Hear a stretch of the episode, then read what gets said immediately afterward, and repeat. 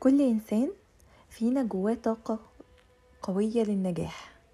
الطاقة دي بتنبثق من إن أنت تكون مؤمن بده ومؤمن كمان إن النجاح عمره ما كان خط مستقيم بالعكس النجاح أب وداون فوق وتحت النجاح منحنى وما بين المنحنى وما بين الخط المستقيم في وادي الإحباط. وادي الإحباط هو أكتر هزيمة ممكن تقابلها في حياتك. لو قدرت إن أنت تعديها بخير اذا أنت نجحت وبجدارة.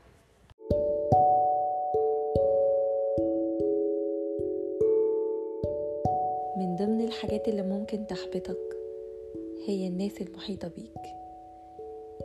الناس اللي كلامهم بيفرق معاك. الناس اللي عارفينك كويس. تخيل معايا كده حد عارفك كويس قوي ويجي يقولك إيه ده؟ إيه الطريق اللي أنت ماشي فيه ده؟ يا ابني الطريق ده مش هيوصلك لحاجة أنت كده بتضيع وقتك. شوف لك حاجة تانية اتعلم لك حاجة تانية. كل ده هيأثر فيك هيحسسك إيه ده؟ معقولة الناس دي كلها؟ كل الناس دي غلط وأنا اللي صح؟ هتبتدي تشك. مع إنك في البداية كنت متأكد إنك ماشي صح وإن الطريق ده مناسب ليك. بس هتبص كده لأ مش ممكن الناس دي كلها تكون غلط وأنا صح.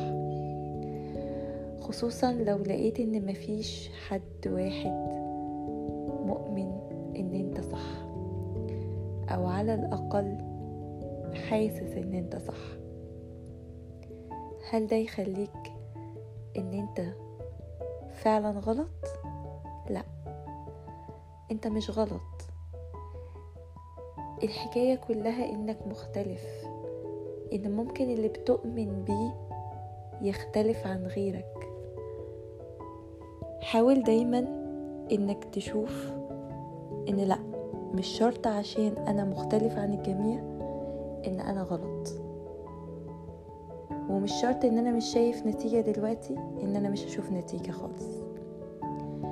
اوعى تقعد في وادي الإحباط.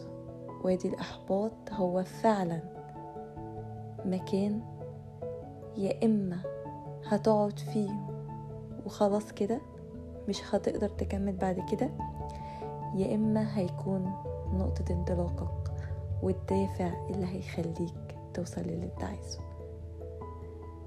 أتمنى منكم كلكم تزودوا الثقة في نفسكم إن عمر ما ما كانت اللي حواليا عشان عارفيني كويس يبقى هما دايما صح. لأ حط دايما إن في نسبة خطأ وممكن تكون أنت اللي صح.